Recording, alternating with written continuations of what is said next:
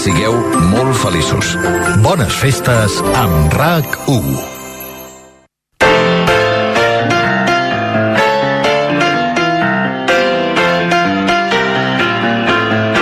Bon dia, són les 7 i des d'ara i fins les 9. Avui, dia de Reis, aquí a la Primera Pedra, serem molts amb moltes ganes de dir bon dia. One day in London City, a crew called C2C. They came to rock the party. Say what? L'Organització Mundial de la Salut ha qualificat l'estrès com l'epidèmia del segle XXI. L'estrès està introduint-se a la nostra vida tan sigilosament que no ens estem ni adonant i ens estem acostumant a un estil de vida estressat que deixa dramàtiques conseqüències. L'estrès és un invasor sigilós que ens assetja en cada activitat. Així ho explica Coro Cantabrana Ruiz de Larrinaga, al llibre La- L'estrès encobert, el síndrome invisible que amenaça la teva vida. Coro, molt bon dia. Molt bon dia. Benvinguda. Uh, la Coro és també fundadora i doctora de l'Institut de l'Estrès, és llicenciada en periodisme i avui la tenim aquí perquè volem que ens parli d'això, de l'estrès. Realment l'estrès sembla que és el gran causant dels grans mals d'aquest segle, podríem dir, del segle XXI. Sí, fíjate, lo está de- definiendo así porque en realidad nos está comiendo poco a poco y no estamos poniendo nada, porque es como el síndrome que yo bueno, del síndrome de la rana hervida, en el que nos metemos en una cazuela, se va calentando y nos quemamos sin darnos cuenta. Estamos viviendo cada vez más en una vorágine de día, cada vez más deprisa, cada vez mucho, con muchas más actividades en el entorno laboral, con muchas más exigencias, más autoexigencia, perfeccionismo, y eso nos lleva a tener constante, constante ritmo acelerado. Y no tener tiempo, se suele decir, no tengo tiempo ni para parar, ni para comer, ¿no? Entonces, ¿qué pasa? Que nos está invadiendo el estrés sin darnos cuenta. I en aquí tu t'endinses per, eh, per desgranar aquest estrès que, de fet, tu ara ho deies molt bé, tu lo decías muy bien.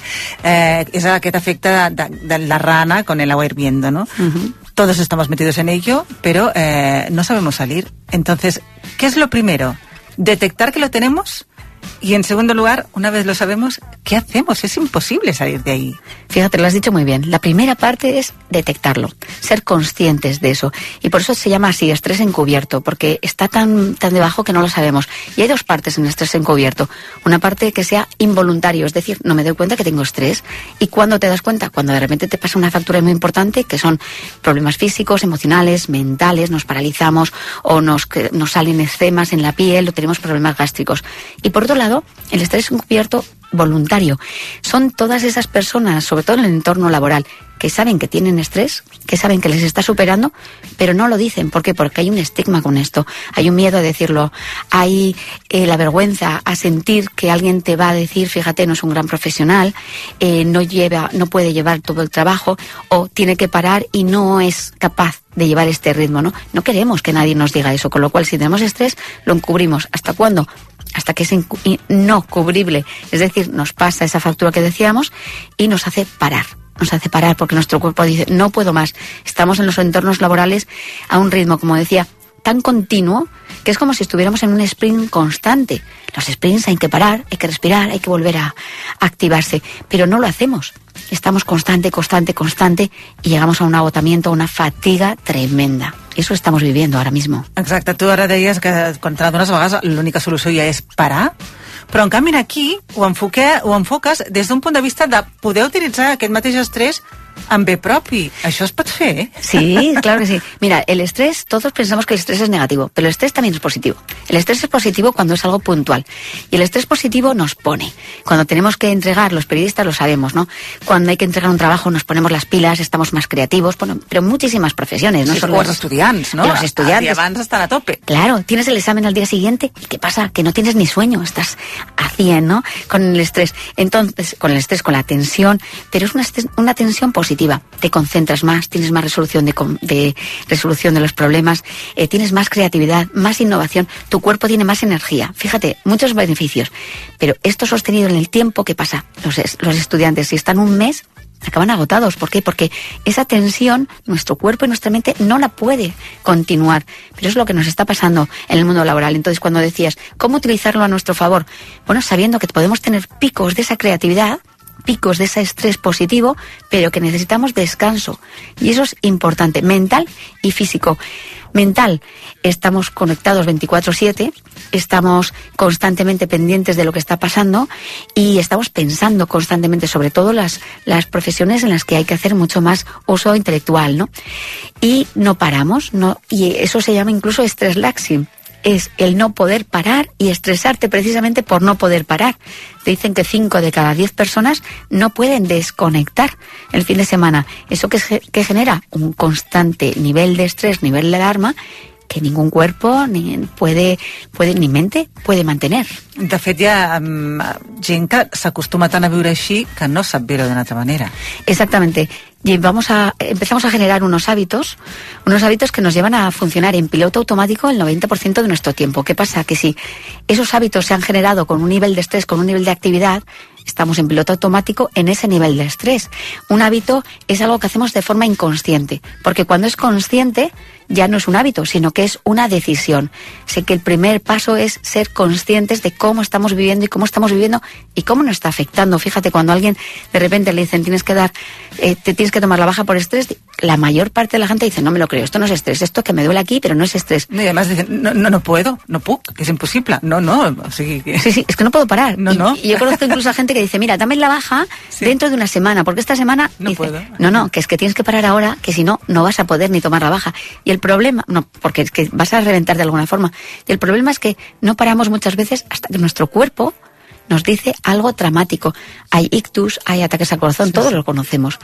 ¿Cómo podemos llegar a ese extremo? De Sí. fet, tu parles de, de 6 de cada 10 persones, és un 65% en una organització eh, que es- poden estar en un nivell d'estrès alt. O també parles de que algunes empreses ascendeixen fins i tot a 9 de cada 10 persones de la Sí. mateixa empresa. Sí, sí, sí, sí, eso es cierto. Por ejemplo, cuando la pandemia, la pandemia se estaba reconociendo que 9 de cada 10 personas, esto es brutal, pero no fuera de la pandemia, el 65% de una empresa, es decir, casi 7 personas de cada 10 están con un nivel alto de estrés. Y encima el, tres- el estrés se contagia, es decir, ese estrés que no están con estrés, a ver qué va a pasar, cuándo se van a contagiar o son inmunes, ¿no? Es un drama, es un drama. Es más, ¿cuánto van a ma- permanecer las empresas viviendo mm, estando en el mercado con un nivel de estrés tan alto que hace que sus, su fuerza productiva, que es la mayor, la- el mayor valor, empieza a caer, fíjate, a caer eh, enfermos, a caer con, con problemas que tienen que dejar el trabajo, pero a caer en productividad, porque el estrés reduce hasta el 60%, según Cinfa Salud, reduce hasta el 60% la productividad. Esto es brutal. Están produciendo el 40% eh, por tener un estrés que es evitable. Uh, parles, a més a més, amb 14 testimonis. És a dir, és un llibre documentat amb experiències en primera persona. Sí, sí, sí. Ahí he entrevistado a muchísimas personas y he elegido 14 entrevistas para este libro. Son profesionales de, de- de- de diferentes ambientes, desde un farmacéutico que está viendo en el día a día y como él dice, la farmacia es el primer recurso gratuito de cualquier urgencia, ¿no? Vas al farmacéutico, estamos viendo muchísimos dramas eh, que están provocados por el estrés. También hay personas que han dejado su trabajo para, para ser autónomos, cuál es el estrés que se produce en ese momento por el trabajo, personas que estaban en paro, inmigrantes, per- periodistas que están en la cresta de la ola y que estamos en un workaholic, un workaholic sano, pero fíjate, el workaholic sano nos da esa energía, esa energía para seguir eh, Creando. creando, para seguir estando activos, ¿no? Es el- ese es el, el estrés bueno que te decía antes, ¿no? Pero el workaholic nos podemos llevar a ser una necesidad de estar adictos a ese trabajo. El workaholic significa estar adictos a esto de una forma ya muy negativa. Y luego incluso se pasa a sisifemia, tenemos de todo. Y hay también, bueno, pues personas, bueno, hay un ejemplo de todo, de hostelería, que donde hay también mucha, mucho estrés, pero fíjate, la mayor parte de ellos dicen, yo es que no me lo creía cuando me decían que tenía estrés, no me lo creía. No som conscients de l'es- No. de l'estat al que arribem a posar el cos, la ment, tot. També hi ha el concepte stress laxing. Estrés laxing, sí, es el estrés eh, cuando, que te produce el no poder descansar, lo decíamos antes, el no poder relajarte. Bueno, no tengo que hacer nada en este momento, me voy a relajar. Pues no puedo. Oye, ¿y si miro el, el- el Facebook? ¿Y si miro a ver si me han respondido? ¿Y si el LinkedIn? ¿No? Depende de la red social en la que estás. No puedes desconectar. Eso está pasando a 5 de cada 10, que no pueden desconectar, con lo cual no pueden recuperar su energía al 100%. Jo crec que la gent que t'està escoltant segur que està dient això és el que em passa a mi, però si això em passa. I en aquí també heu inclòs un apartat sobre el termòmetre d'aquest estrès, és a dir, que podrem reconèixer-nos a quin nivell d'estrès estem? Exactamente. Fíjate, cuando tenemos una temperatura alta, estamos a 38 grados y dices, uff, tengo fiebre. Cuidado, que está pasándome por dentro, ¿no? Eh, Tendré una infección, mi cuerpo estará peleando con esa infección. ¿Quién gana, no? Y mi cuerpo, la infección, estás ahí. Con 39 ya te encuentras muy mal. Y ya sabes porque tu cuerpo, tu cuerpo eh, tiene un calor, tiene- tienes un cansancio. Tu diu, tu diu, Sí, sí. te lo explica. Sí, sí, a los cua- cuando tienes 40 y cuando tienes 41. En el estrés pasa lo mismo. Lo que pasa es que no somos conscientes. ¿Y sabes por qué no somos conscientes? Porque estamos pensando en lo que tenemos que hacer, en lo que tenemos que hacer, en lo que tenemos que hacer. Y no tenemos una responsabilidad, es que no puedo dejar esto, no puedo dejar lo otro, tengo que dar la talla, tengo que hacer, tengo que demostrar que soy buen profesional. ¿Qué pasa? Estás pensando en una cosa y no te haces caso, no estás sintiéndote. Y, y cuando piensas, ay, no puedo pensar, no puedo pensar, dices, va, esto es normal, ya se me pasará. No, se va acumulando, se va acumulando. Como si llevaras una mochila donde tu estrés, si no lo estás soltando, cada vez que tengas un, un momento crítico de estrés o agudo de estrés, si no lo vas dejando y recuperándote, se va acumulando en tu mochila. ¿No? Y nos damos cuenta que los hombros los tenemos cargados, nos empieza a doler la espalda, tenemos dolores de cabeza, dolores musculares, tenemos eczemas, solo más suave. Sí, exacte, perquè moltes vegades et baixa el nivell de defenses i ja comences a agafar-ho tot, etc. Exactamente. El estrés baja el nivel, el nivel de defensas. Por eso cuando estás estresado dices, es que me he puesto enfermo. Pues normal. Pero fíjate, el estrés puntual te incrementa el, te incrementa las defensas, el sistema inmune. ¿Por qué? Porque tu cuerpo está alerta por todo, porque es un momento puntual en el que lo tienes que dar todo. Pero si lo mantenemos en el tiempo, este estrés puntual se hace crónico y es cuando nos pasa la factura. En aquest cas, si ja ens hem trobat la manera d'analitzar-nos i de veure el nivell d'estrès que tenim, trobarem també les claus per poder-ho superar, perquè aquest és el gran problema, com ho superem i com sortim de la roda. Bueno, mira, fíjate, desde el Instituto del Estrés sí que tenemos, damos talleres, damos, además es que es fácil superar el estrés. ¿Sí? Sí, es fácil, mira. Eh, bueno, te cuento que tenemos en el, en el Instituto del Estrés además un programa, del cual estoy muy orgullosa, lo tengo que decir, que hemos conseguido que un, que un programa de estrés normal de 30 horas lo hemos reducido en 5 y además con mayor potencia porque hemos utilizado neurociencia y herramientas de coaching PNL y otras herramientas y hemos hecho que en dibujos animados, ciento y pico dibujos animados que se ven en 5 días, la persona haga un cambio total. Un cambio total. ¿Por qué? Porque incluso corta- acortamos la curva, la curva del, aprendizaje, porque es, estamos en ondas teta, estamos viendo los dibujos animados y nuestro cerebro empieza a entender cómo procesamos la información. Porque hay una cosa muy básica. El pensamiento nos lleva a la emoción. La emoción nos lleva a la acción y la acción nos lleva al resultado. Si los resultados es que estamos viviendo un estrés, que no llegamos, ¿qué estamos pensando? Que es la- el inicio para provocar eso. ¿Y qué solemos estar pensando? Imagínate que tienes que entregar un, un pro- un proyecto, un programa en tu caso, ¿no? En dos horas, todo, todo el esquema del programa. Si tú empiezas a pensar, ay, no me va a dar tiempo, ay, que me va a salir mal, ay, que se- al final igual incluso meto la pata, ¿qué pasa contigo? Estás empezando a generar unos, unos pensamientos que te llevan incluso a tener estrés y a producir menos. Si en cambio tú dices, bueno, pues en dos horas yo sé que lo acabo. Bueno, siempre acabo, aunque tenga pocas horas. Yo me organizo y lo hago, yo tengo experiencia. ¿Qué, qué haces? Te estás empoderando y te alejas del estrés. Entonces, eso es muy importante saberlo. Y cuando una persona empieza a entender cómo funciona su cerebro, entender cuáles son las creencias limitantes que ella misma se pone para condicionarse, para estresarse, para detonar su estrés, entonces empieza a cambiar, empieza a verlo de otra forma, empieza a ser consciente, que es lo que hemos dicho que es la primera de las, de las técnicas o de las herramientas o de las necesidades, ¿no? Déu nhi déu Jo crec que eh, en aquest llibre tothom es veurà reflectit perquè, mm, encara que sigui en poc grau, tots patim estrès. A L'estrès també ens ajudarà a ser més productius i també té la seva part positiva. Aquest llibre no ho descarta, però també sabrem desgranar aquest punt que finalment tu també, en la, en la cinquena part del llibre, em, com dèiem, presenteu solucions, presenta solucions i qui les necessiti podrà aprofundir. Per tant, des d'aquí jo crec que és el, el llibre del segle XXI perquè les coses no sembla que vagin a millor, sinó que cada vegada hi ha més gent que pateix greus conseqüències amb l'estrès. Sí, si no ponemos remedio, Es como si íbamos dirigidos hacia un árbol, ya lo sabemos. Pues si no paramos el coche, nos damos contra el árbol. Estamos ahora en la posibilidad de tomar la curva. Y una de las, hay muchísimas herramientas en el mercado. Una que yo creo que considero muy potente, claro, soy yo la madre del libro, eh, creo que es muy potente y me lo están diciendo. Lo han leído médicos que han dicho que, que lo quieren recomendar porque están viendo que están teniendo patologías a las que tienen que atender que están proveniendo del estrés. Con lo cual, tiene solución. ¿No? Y cuando tiene solución vamos a ponerlo. Y hay veces que como digo, el estrés encubierto está por debajo y no somos conscientes, con lo cual, fíjate, el estrés financiero. Está habiendo muchísimo estrés financiero que, que nos, damos, nos da vuelta a la cabeza con el tema económico ahora mismo, ¿no? Cómo dar menos vueltas a la cabeza y cómo reducir ese estrés, el tecnoestrés.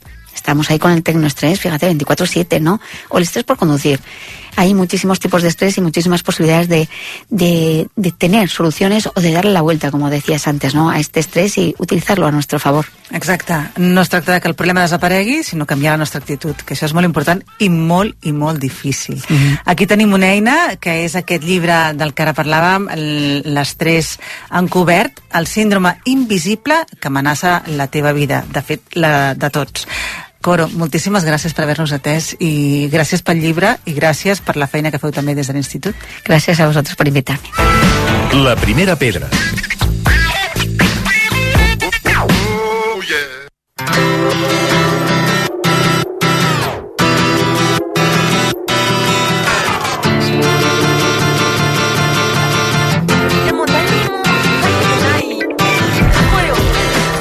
La tecnologia cada vegada avança més, és evident, i també hi ha temes en els que potser podem pensar que ens afavoreixen. Eh, la soledat, per exemple, podria ser un tema que podria tenir recolzament a través d'aquesta tecnologia. Robots contra les soledats no desitjades. Avui volem parlar d'això amb la Montse Crespin. Montse, molt bon dia. Bon dia, Noemi. que ella és professora de filosofia i ens dona un punt de vista mm, molt més profund del que aparentment pot semblar una cosa tan senzilla com bé, doncs un robot que t'acompanya en, aquesta, en aquesta bellesa o en aquests moments de soledat, no? Però hi ha tota una reflexió ètica també darrere.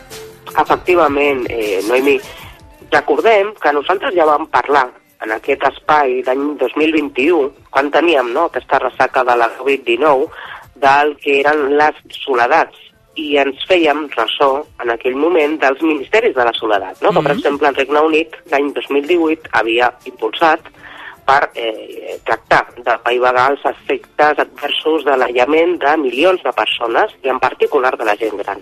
Connectem avui aquell passat no? i aquells ministeris de la soledat amb una notícia de, de fa poc temps, d'aquest passat mes de novembre, amb la qual la Generalitat anunciava que destinarà 5 amb 5 milions provenents dels fons europeus al Next Generation per adquirir un miler d'exemplars de robots ARI, que vol dir assistent robòtic intel·ligent, que està pensat, segons el Departament de Drets Socials, per a impulsar solucions de robòtica per facilitar l'autonomia i la vida independent, les cures i l'assistència personal.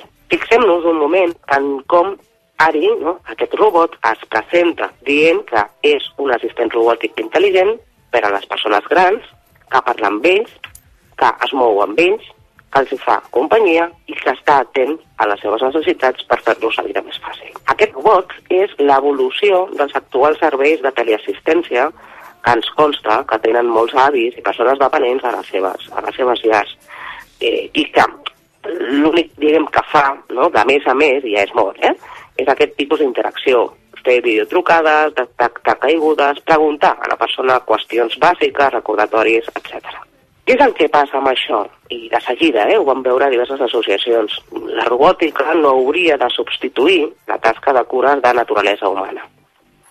Però hi ha, a més a més, molt més èticament problemàtic. D'una banda, quina és la qualitat de les cures? Ens podem preguntar si pot un robot, sense emocions, substituir la calidesa humana? Mm, clar, molt difícil.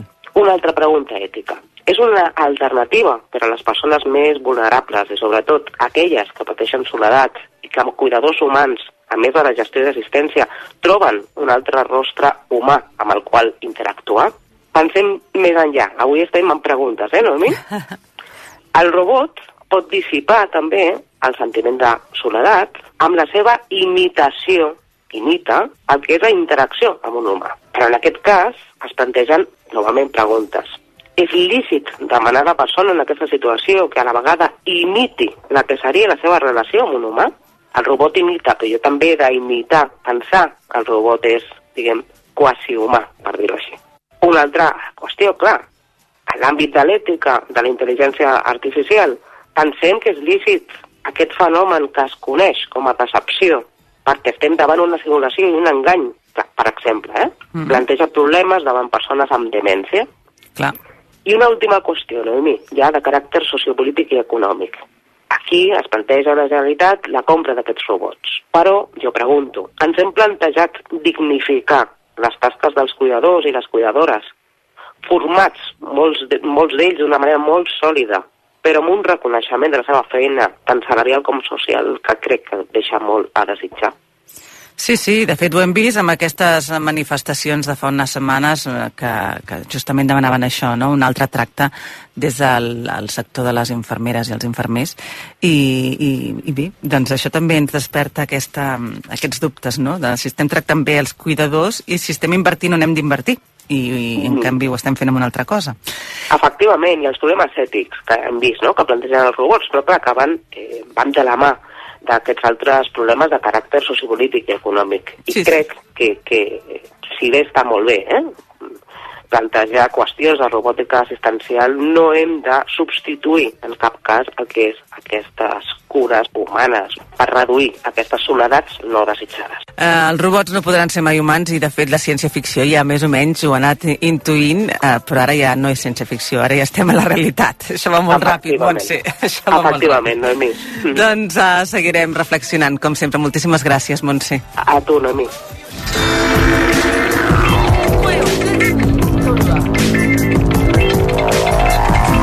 La primera pedra arroba racu.cat.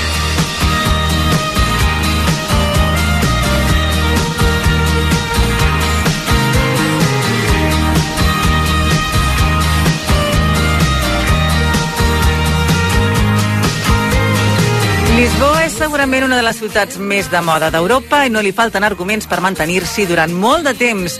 Destinació ideal per fer una escapada de pocs dies, per exemple ara, qui decideixi estar-s'hi més temps però no s'avorrirà ni un segon i de fet si algú hi va per avorrir-se doncs tampoc farà mal fet. Avui ens ho explica l'Aurora Rodríguez, que és la nostra companya de serveis informatius. Aurora, quina il·lusió tenir-te aquí. Ai, sí, em fa molta il·lusió. Ens veiem sempre per, per passadissos, però escolta'm, no compartim espai i avui hem dit, ep, que vingui perquè vas decidir anar a Lisboa, però no ens has dit per què. Com és que vas decidir? Jo he anat a Lisboa diverses vegades. La primera de pur turi... Ah, no, no, no. La primera també a veure concerts de música. eh, Ah. mm, eh, és una Ah, cosa que sí. faig habitualment, de buscar-me concerts per aprofitar i viatjar. Està molt bé. Això m'agrada. I llavors, és veritat que a Lisboa també la primera vegada que hi vaig anar va ser per música, ja hi vaig fer la visita així genèrica, turística, i tots els cops que he tornat també he aprofitat i he anat a veure concerts. Clar. Sí, sí, sí. I a part, eh, ara ho deies tu també, mm, abans d'entrar a l'antena, que és una ciutat molt de moda, estem d'acord, però per què creus que és el que la fa tan, no sé, tan Jo crec que, moderna? que ha arribat aquest moment de, de,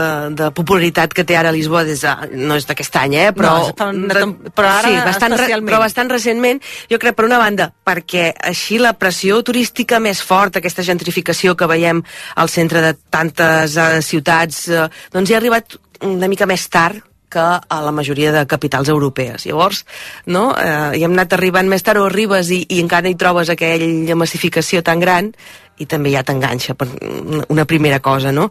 Um, si nota també, tot i que això ja està arribant, la pressió, i, i ha anat canviant, encara manté un ambient, un esperit molt propi, uh, més una estètica que té aquesta ciutat lluminosa, una llum i un cel blau És espectacular. T'he de dir que per mi també és una de les ciutats d'Europa que més m'agraden. Sí, i té, té aquests elements de, de llum. Després també aquesta estètica decadent, no? Perquè t'hi trobes molts eh, edificis que dius està abandonat o pràcticament abandonat.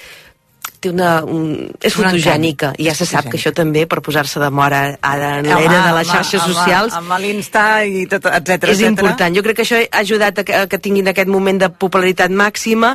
Uh, també, llavors, és això que, dèiem, que deies al començament de, de la flexibilitat que dona a l'hora d'anar-la a visitar, perquè s'adapta fàcilment a qualsevol tipus de visitant, tant el que hi pot estar unes poques hores, vull dir, una visita express de 24 hores, com el que s'hi va 3 o 4 dies, que jo crec que sobretot per una primera aproximació és el temps ideal, fins al que sí té més dies i això que dèiem, no? que va avorrir-se a ser un veí més, a gaudir de la ciutat sense cap estrès de visites i, i circuits turístics ni històries d'aquestes. I després, clar, ofereix moltes possibilitats per visitar-la. Qui busca cultura té molta cultura, però qui no vol res de museus i vol gastronomia o vol vistes o vol arquitectura, també. Mm, és com una...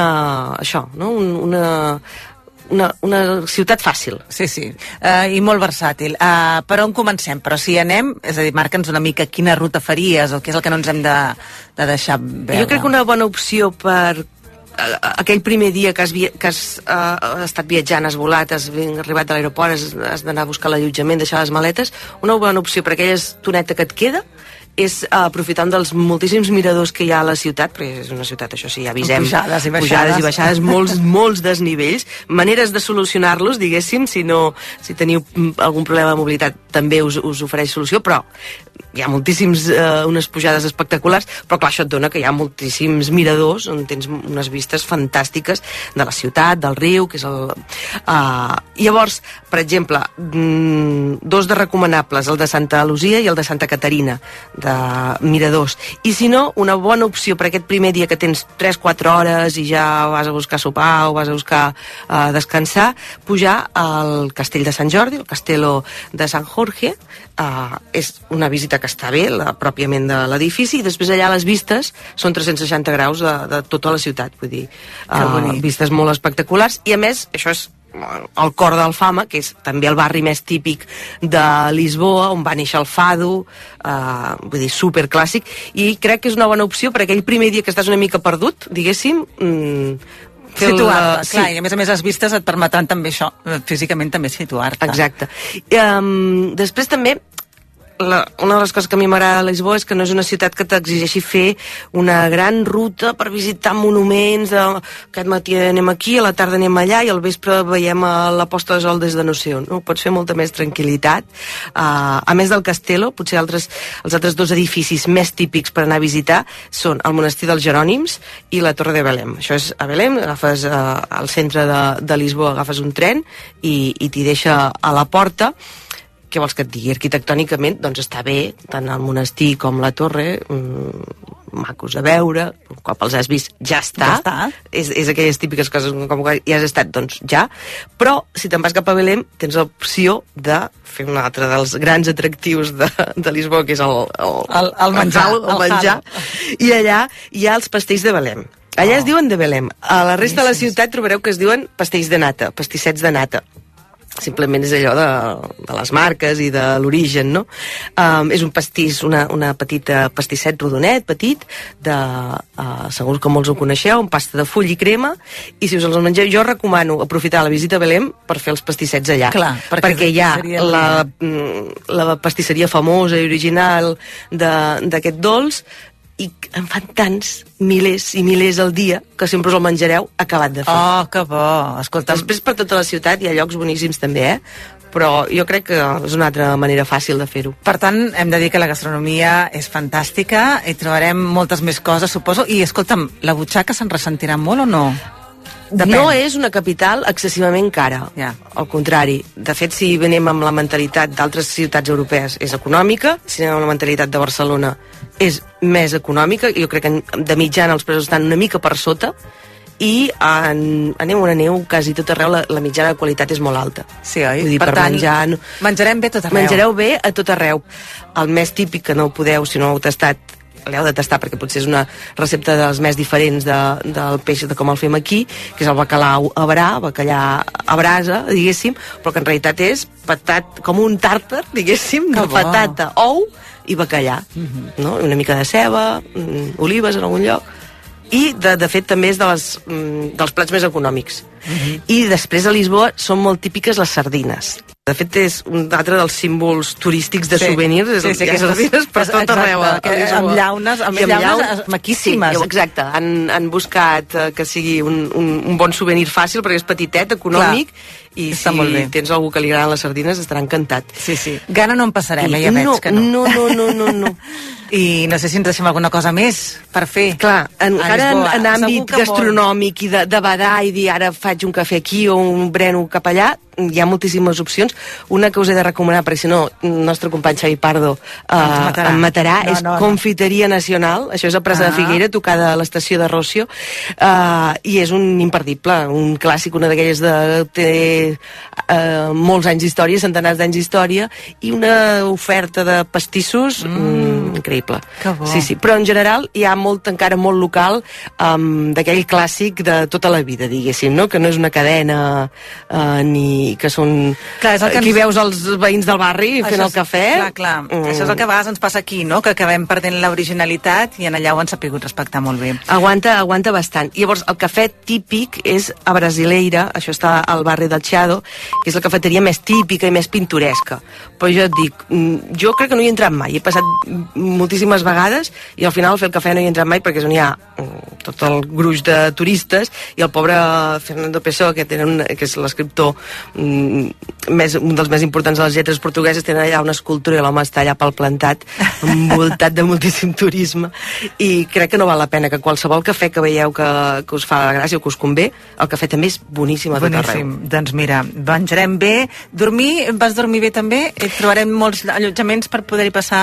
Hi ha molts allotjaments, i ha crescut molt, molt l'oferta en els últims anys, almenys jo des del primer cop que hi vaig anar aquest any, l'última visita, hi ha molt hotel de tota la categoria que vulguis, amb més o menys estrelles, i després els apartaments turístics també funcionen moltíssim. I és la, també és la millor opció per estar ben bé al centre. Clar. Els hotels estan, com si diguéssim, a la, a la segona corona, no? I, i al centre, centre històric, al barri de la Moureria, que és com el nostre Raval, doncs també hi ha molta oferta. Al Fama, que és on dèiem abans que hi ha el castell, també hi ha molta oferta. Potser aquí el Fama és el que queda més, cap, més amunt, i de cara a tenir més eh, mobilitat més planera, potser no, no, però en realitat estàs ben, ben cèntric. O a Rio Alto també hi ha moltíssima oferta. L'última cosa, a més a més, el caràcter de la gent, fantàstic també, eh? Sí, els, eh, la veritat és que els portuguesos són relaxats, Sí. són gent pacífica Sí, sí, i i, més no, agradables en general sempre, i agradable sempre i el tracte amb el turista també és agradable Ai, quines ganes, Aurora. Et parlen en anglès, en castellà, en català sí, és veritat, que a més a més No, no. dominen moltes llengües, Dominen. no tindran problema tampoc de llengua. Què va, què va. Doncs escolta, mira, destinació que ens agrada, moderna, eh, bé de preu, eh, dintre de tot, eh, Sí, sí, com a sí. gran ciutat, i a més a més bon temps, bon clima, bon molta tot. oferta cultural també, si aneu a buscar cultura, Sí, però no sí. d'allò un museu quatre hores, no, sinó un centre cultural on hi ha una exposició... Eh, Que es fa més àgil, al final. Sí, sí, sí. sí. Doncs mira, hi anirem, és una bona opció. Aurora, moltíssimes gràcies. A que vagi vosaltres. molt bé.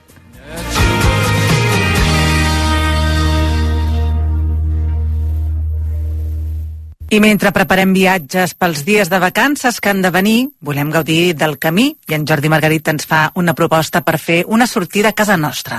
Bon dia, Jordi. Bon dia, Noé. Avui i ara mateix potser a desenes i desenes de cases els infants desemboliquen regals. Paquets de coloraines perdran els embolcalls i en sortiran els regals. I quin serà prou habitual com per destacar-los?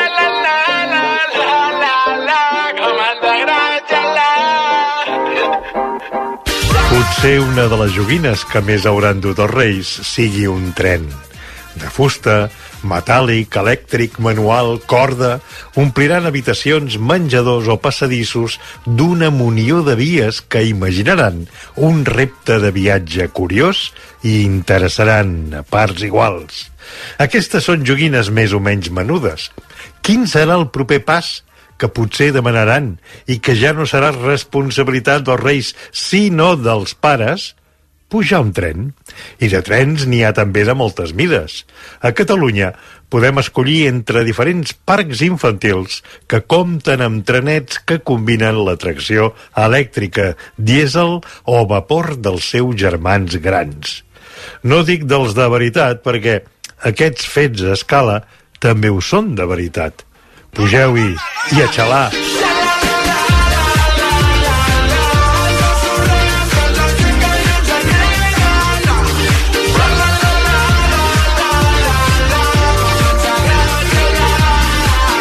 Lleida, Tarragona, Girona i Barcelona gaudeixen de parcs espectaculars on no hi falten els amics del tren i els seus vehicles a punt de fer les delícies dels infants, aprenents de revisors, maquinistes o mecànics ferroviaris. He pogut gaudir del de Palau, Solità i Plegamans, el de la Uraneta de Sarrià a Barcelona o el del Parc Catalunya de Sabadell. Fantàstic! Els matins de diumenge és el moment escollit per gaudir de l'experiència i veure espurnes de felicitat com salten dels ulls dels menuts. Passatgers al tren i a xalar.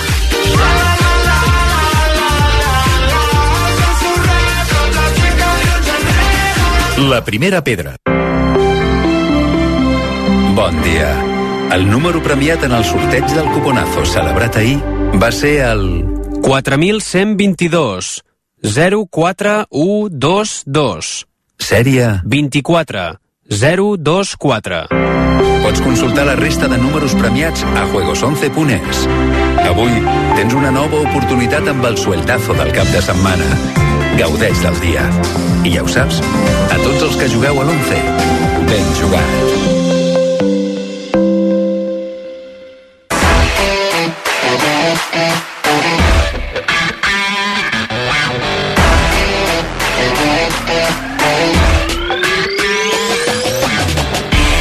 L'Oriol López Pillena és l'autor del llibre Creix i Prospera i amb ell fem repàs de temes empresarials, com per exemple el d'avui, que és com saber si la teva botiga va bé. Una pregunta Exacte. aparentment senzilla, Oriol, bon dia. Bon dia. Però que, que té la- el seu què, perquè a vegades ens fixem en coses que no són exactament les que ens indiquen que va bé. Exacte, I i, que sí. i parlem de botiga, però és qualsevol negoci, de fet. Exacte. D'acord? És a dir, sí, tenim una sèrie d'indicadors que ens han vingut donats moltes vegades per les modes, que no són ben bé uns indicadors que mesurin el negoci. Mesuren altres coses. No sé si tu has vist botigues o empreses molt obsessionades, i persones també, molt obsessionades amb el número de subscriptors a un butlletí, I tant. amb el número de seguidors a Instagram, amb els likes o no likes que, que posa la gent, amb els retuits, no? Llavors, tot això eh, són mètriques que poden interessar per alguns aspectes, que no els nego, d'acord, eh, relacionats amb el màrqueting digital, però que a l'hora de fer negoci no són els indicadors que hauríem d'estar medint a casa nostra. I tu parles de quatre millors indicadors Sí, comercials. Quins serien? són quatre que de fet són molt simples. Els, els tres primers s'entenen molt fàcilment amb una botiga. No? En una botiga és important medir quanta gent entra a la botiga. Sigui, una, un, un- si entres, si no entres, segur que no compres, no? Clar. Però si tu entres en una botiga, hi ha la possibilitat de que compris. Això és el que s'entendríem oportunitats obertes. És a dir, tu tens una oportunitat oberta en una empresa que no és una botiga, és una trucada que has rebut, o un e-mail demanant informació, això és una oportunitat oberta. O fins i tot de manera proactiva nosaltres volem contactar amb, aquell, amb aquella empresa que volem parlar i aviam si aconseguim que sigui client en un futur. No? Llavors, les oportunitats obertes és bàsic, perquè sense oportunitats obertes ja no hi ha joc. Vale? Tot això és de dalt a baix. La, I en una botiga és quanta gent entra. La segona seria quanta gent compra. Important. És a dir, tens a la botiga, tens persones que entren i que passegen per dins la botiga, però potser no compren. I aquí és on entra moltes vegades aquests aspectes que fan a les botigues doncs que els, els mostradors estiguin ben posats, que el producte sigui atractiu, que hi hagi uns rètols posats de determinada manera, vull dir, aquestes coses es treballen. Vale? Necessites que la gent compri aquella frase de si necessites alguna cosa, estaré allà, et cal res, són preguntes que van dirigides a que la gent compri. Llavors això se'n diu rati de conversió. És a dir, de cada 10 persones que entren a la botiga o truquen per telèfon, quantes compren? I això és un indicador que s'ha de mesurar. El tercer seria quan compren. És a dir, en una botiga és el tiquet mitjà. És quan vas amb el carret de la compra, vas posant coses i allò, últimes compres que estan just al costat de la caixa registradora, Registradores. Ah, totes aquestes coses el que fan és afegir afegir eh, valor mitjà de la compra. Per tant, si tu calcules quanta gent entra, quin és el teu rati de conversió i quin és el tiquet mitjà, seria relativament fàcil calcular quan facturaràs, no? Dius, mira, doncs si jo aconsegueixo que entrin 100 persones i el meu rati de conversió és un 50%, vol dir que en compraran 50. Si d'aquestes 50 la seva compra mitjana són 100, doncs vol dir que guanyaré 5.000 euros aquell dia. Vale? És la manera, llavors això és de pujar. I després hi ha un quart, que és una mica més complicat de, de medir, però que és important i que va relacionat amb el màrqueting. amb aquells indicadors que hem dit que no cal seguir a efectes de venda, que és quant de temps triguem. Està molt bé dir tinc 100.000 seguidors a Instagram. La pregunta ja no és només si compra, sinó quant de temps triguem entre el moment en què es fan seguidors i el moment en què compren. Perquè clar, si aquest temps són 3 anys, Que... el nostre negoci, depèn quin No està sigui, no està funcionant igual de bé. Però si el nostre procés són 3 dies, doncs home, vol dir que aquella feina que fas a xarxes socials llavors sí que té un èxit. Per això jo dic que hi ha una sèrie d'indicadors que jo no els mesuraria a nivell comercial, que són d'ego, subscriptors, seguidors. Això m'agrada molt. Que ens sentim molt bé, la mar de bé, però no vol dir que la nostra botiga vagi bé, o el nostre Tots, tenim, comerç. tots tenim fills adolescents i tots sabem eh, com reaccionen davant likes i davant de seguidors, no? I, I en canvi, una cosa premia l'ego, l'altra cosa premia, no sé, la cartera, la butxaca, Que al final és el que volem. que és el que volem en un En el negoci. món, en el món de l'empresa és això. Sí, sí, doncs eh, així ens quedem eh, sabent aquests indicadors reals de si el nostre comerç va bé. Com sempre, moltes gràcies, Oriol. Gràcies a tu. Parlem de ciència amb joves sobradament preparats, com és el Manel Ramos Grau, que ell és geòleg, geofísic i professor a la Universitat de Barcelona. Fa divulgació a arroba rapedracat i forma part de Neurones Fregides. Molt bon dia, Manel. Bon dia. De què ens parles avui? Doncs avui parlarem sobre el temps, però no sobre si plou o no, sinó sobre el temps geològic. Per exemple, per a tu no i mi, què seria molt de temps? Home, si parlem, per exemple, de la vida, no? Uh, 100 anys, 110, seria molt de temps. Sí, sí. Exacte, per la humanitat, que parlem de dècades o segles, inclús mil·lennis, si mirem la nostra història, això seria molt de temps. Però parlant del temps geològic, això seria com un gra de sorra dins d'un desert. Aleshores, sabries l'edat de la Terra? M'imagino que milers de milions, però no sé ben bé. Doncs exactament té uns 4.500 milions d'anys. déu nhi sí, sí, és molt ràpid, això. I tant. Doncs no podem arribar a imaginar perquè s'escapa de la nostra escala, però amb un petit exercici podreu entendre-ho. Hem d'estirar els braços de manera horitzontal, com fent una T amb el nostre cos. Uh -huh. Els que estigueu conduint, no- no cal que ho feu, eh? Exacte. Doncs d'un extrem a l'altre dels braços posarem a escala la història de la Terra als 4.500 milions d'anys. Comencem per l'esquerra, per exemple. No és fins al colze esquerre, és a dir, des de l'inici de les mans fins al colze esquerre, que arribem als 3.500 milions d'anys, que és quan va sorgir la vida. Bacteris, molècules i vida molt simple. Però avançant fins al canell de la mà dreta, és a dir, a l'altra banda, als 600 milions d'anys, és on es produeix l'explosió de la vida, on comencen a sorgir les formes de vida una mica més complexes. I no és fins que avancem a la primera falange dels dits on sorgeixen els dinosaures, fa 250 milions d'anys. Que hem avançat qua- quasi dos braços sencers per poder veure els dinosaures. Exacte. I, de fet, no és fins a l'última falange dels dits, fa 65 milions d'anys, que va caure el meteorit que els va extingir. I gràcies a això, de fet, vam poder desenvolupar-nos els mamífers, no? Exacte, no tenim dinosaures, però almenys estem vius, que és important. Sí, sí. De fet, si avancem fins a l'extrem del dit més llarg, a la punta de la ungla, fa uns 2 milions d'anys que no sorgeixen els humits, els nostres avantpassats.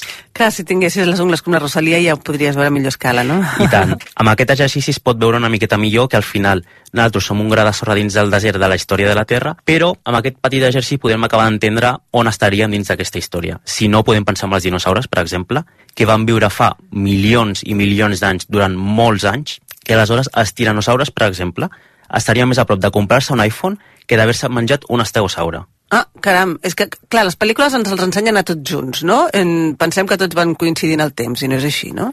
Exacte. De fet, nosaltres, molta gent estudia que nosaltres també marcarem a la història de la Terra un punt d'inflexió. Últimament es parla molt de l'antropocè, que vindria a ser l'etapa de la Terra més recent, la produïda pels humans. A geologia, per exemple, dividim la història de la Terra en etapes relacionades amb grans esdeveniments com grans extincions, nous organismes, grans canvis climàtics...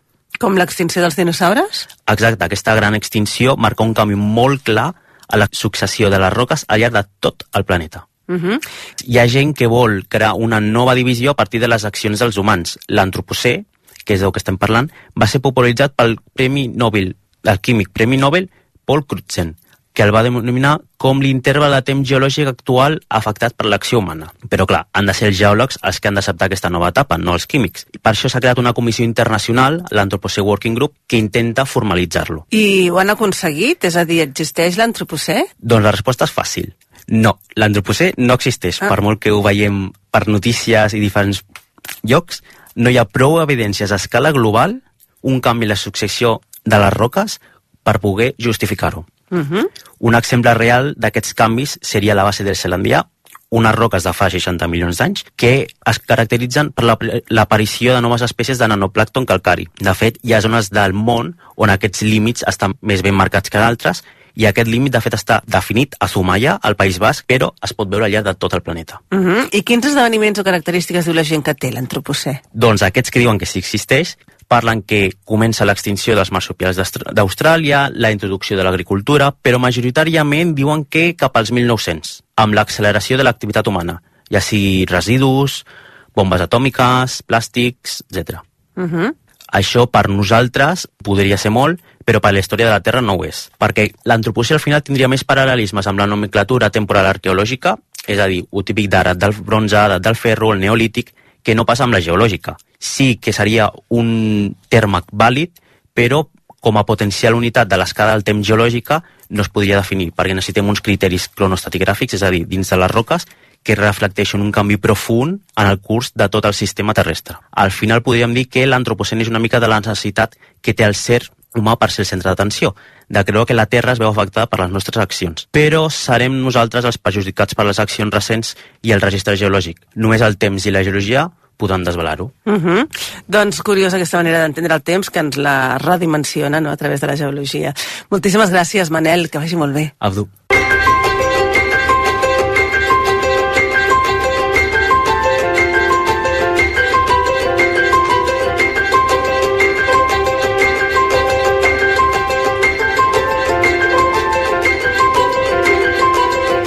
Les coses que més ens agrada fer els que disfrutem llegint és passejar per les llibreries i biblioteques. Són petits palaus de cultura. I des de fa molt poc, Vic compta amb una nova llibreria especialitzada en gènere fantàstic de ciència-ficció i de terror. Hem volgut entrar en aquesta llibreria, es diu Deliris i Llibres, i l'Alba Panadero és la seva impulsora. Alba, bon dia. Hola, bon dia. Mira, ens volíem passejar per la teva llibreria, hem dit, va, anem a descobrir què hi ha dintre de Deliris i Llibres, i, i la primera pregunta que ens ve al cap és com és que mm, heu fet una llibreria especialitzada en gènere fantàstic de ciència-ficció i de terror? D'on surt la idea? Bueno, aquesta idea surt del, primerament per l'amor dels llibres. Uh -huh. Fa molts anys que llegeixo li, literatura de gènere, sobretot fantàstica, ara estic aprenent molt de, a més de ciència-ficció i de terror, i jo ja feia, una mica, ja feia temps que treballava en llibreria i vaig veure que això de vendre llibres era divertit i que se'm donava, se'm donava bé. I a partir d'aquí va com eh, vaig gestionar, bueno, va, eh, va anar la idea de per què no fer la meva pròpia llibreria amb llibres que a mi m'agraden i que m'hagués agradat trobar per poder-los comprar, perquè són llibres que costen de trobar, Clar. sobretot aquesta zona.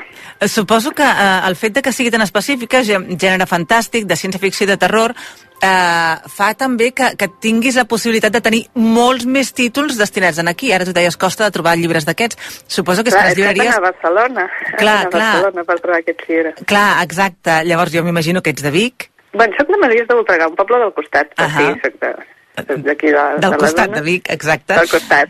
I, i, i tenies ganes de que hi hagués aquesta llibreria que, recull, que recollís aquests gèneres. Per què aquests gèneres? Sí. Jo suposo que tu ets una gran lectora, però, però és gènere fantàstic de ciència-ficció i de terror, tots tres.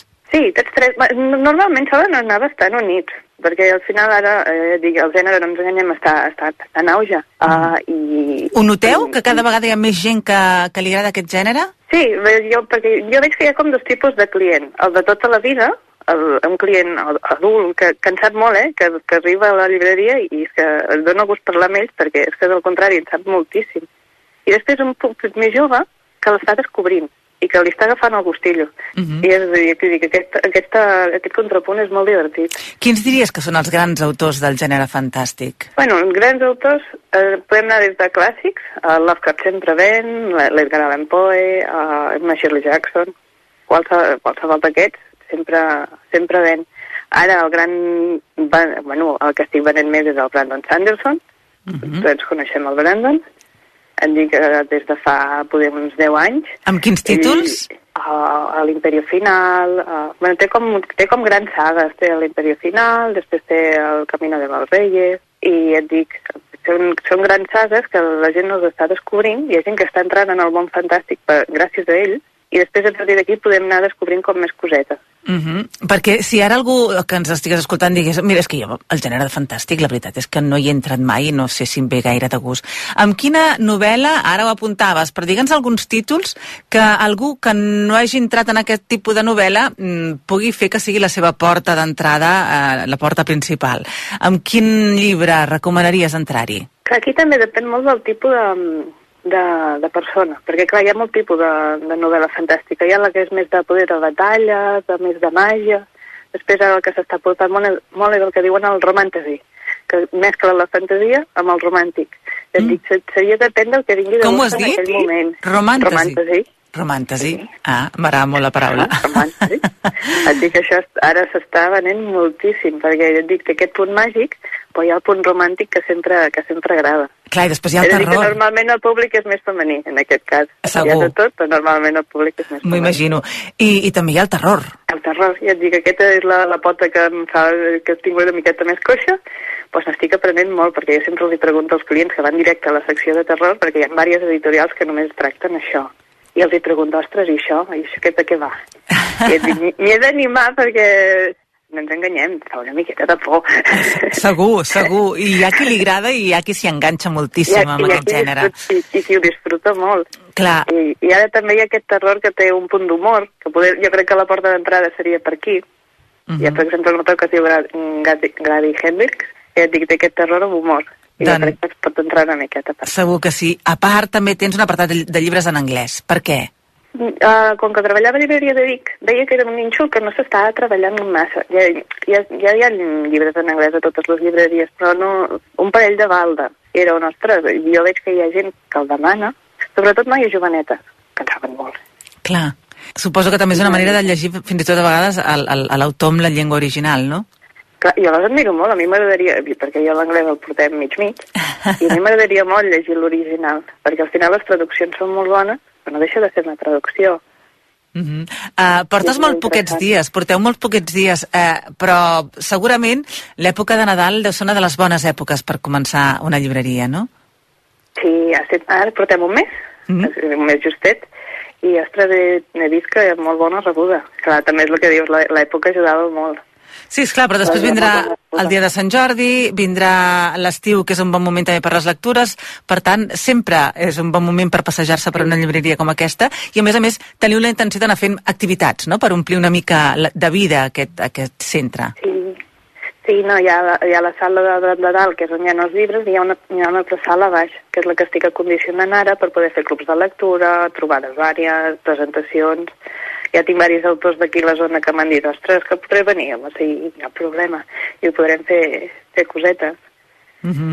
uh, se't noten la, la il·lusió de muntar aquest Oi, molta. petit palau, que nosaltres dèiem Palau de la Cultura, però és que realment passejar-se per una llibreria, a la gent que li agrada llegir, de vegades dona tant plaer el fet d'escollir el llibre i tot el viatge que fas fins a decisió que, Sí. que, que llegir el llibre mateix, no?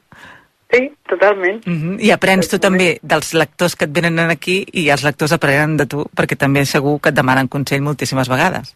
Sí, Mhm. -huh. et dic, qui ve més perdut i intenta, sobretot la, la pregunta clau és què et ve de gust. Clar. A partir d'aquí eh, ho busquem.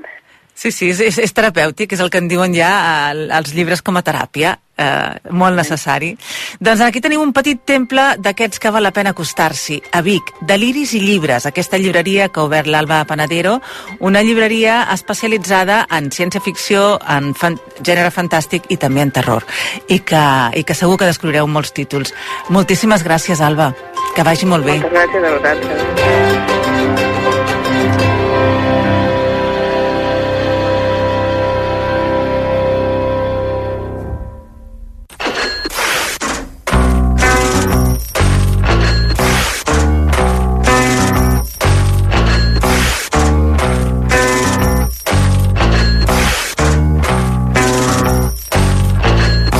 La Silver Economy, l'economia centrada en la població de més de 50 anys, és un sector econòmic en creixement perquè cada cop hi ha més persones al món en aquesta franja d'edat.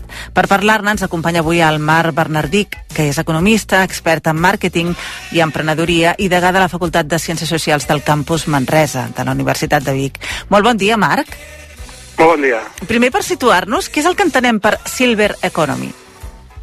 Sí, la Silver Economy fa referència a tota aquella activitat econòmica que va dirigida a persones de més de 50 anys. Per tant, des de que la gent ja és madura eh, fins que es mor, es pot parlar de Silver Economy i els darrers anys ha tingut un, un, gran, un gran reconeixement.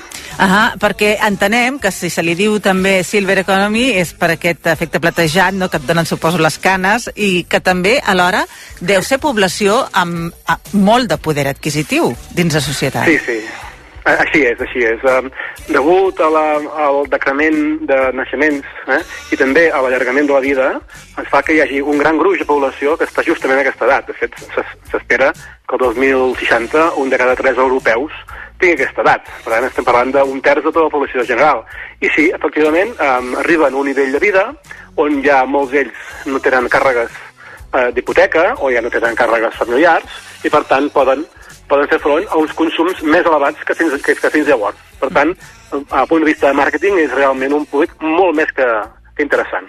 Clar, i, i sobretot també és molt conjuntural, perquè eh, ara se suposa que aquesta població estarà lliure de càrregues, per exemple, hipotecàries, etc, però cada vegada més anem eh, cap a un altre camí perquè també cada vegada ens fem hipoteques molt més llargues perquè el poder adquisitiu és més baix. Per tant, els d'ara, aquest Silver Economy mm, va destinat a una població concreta que potser d'aquí uns anys ja no serà la mateixa, tampoc. Estic d'acord amb tu. Um, sens dubte, um, fem hipoteques de més de 25 anys, últimament.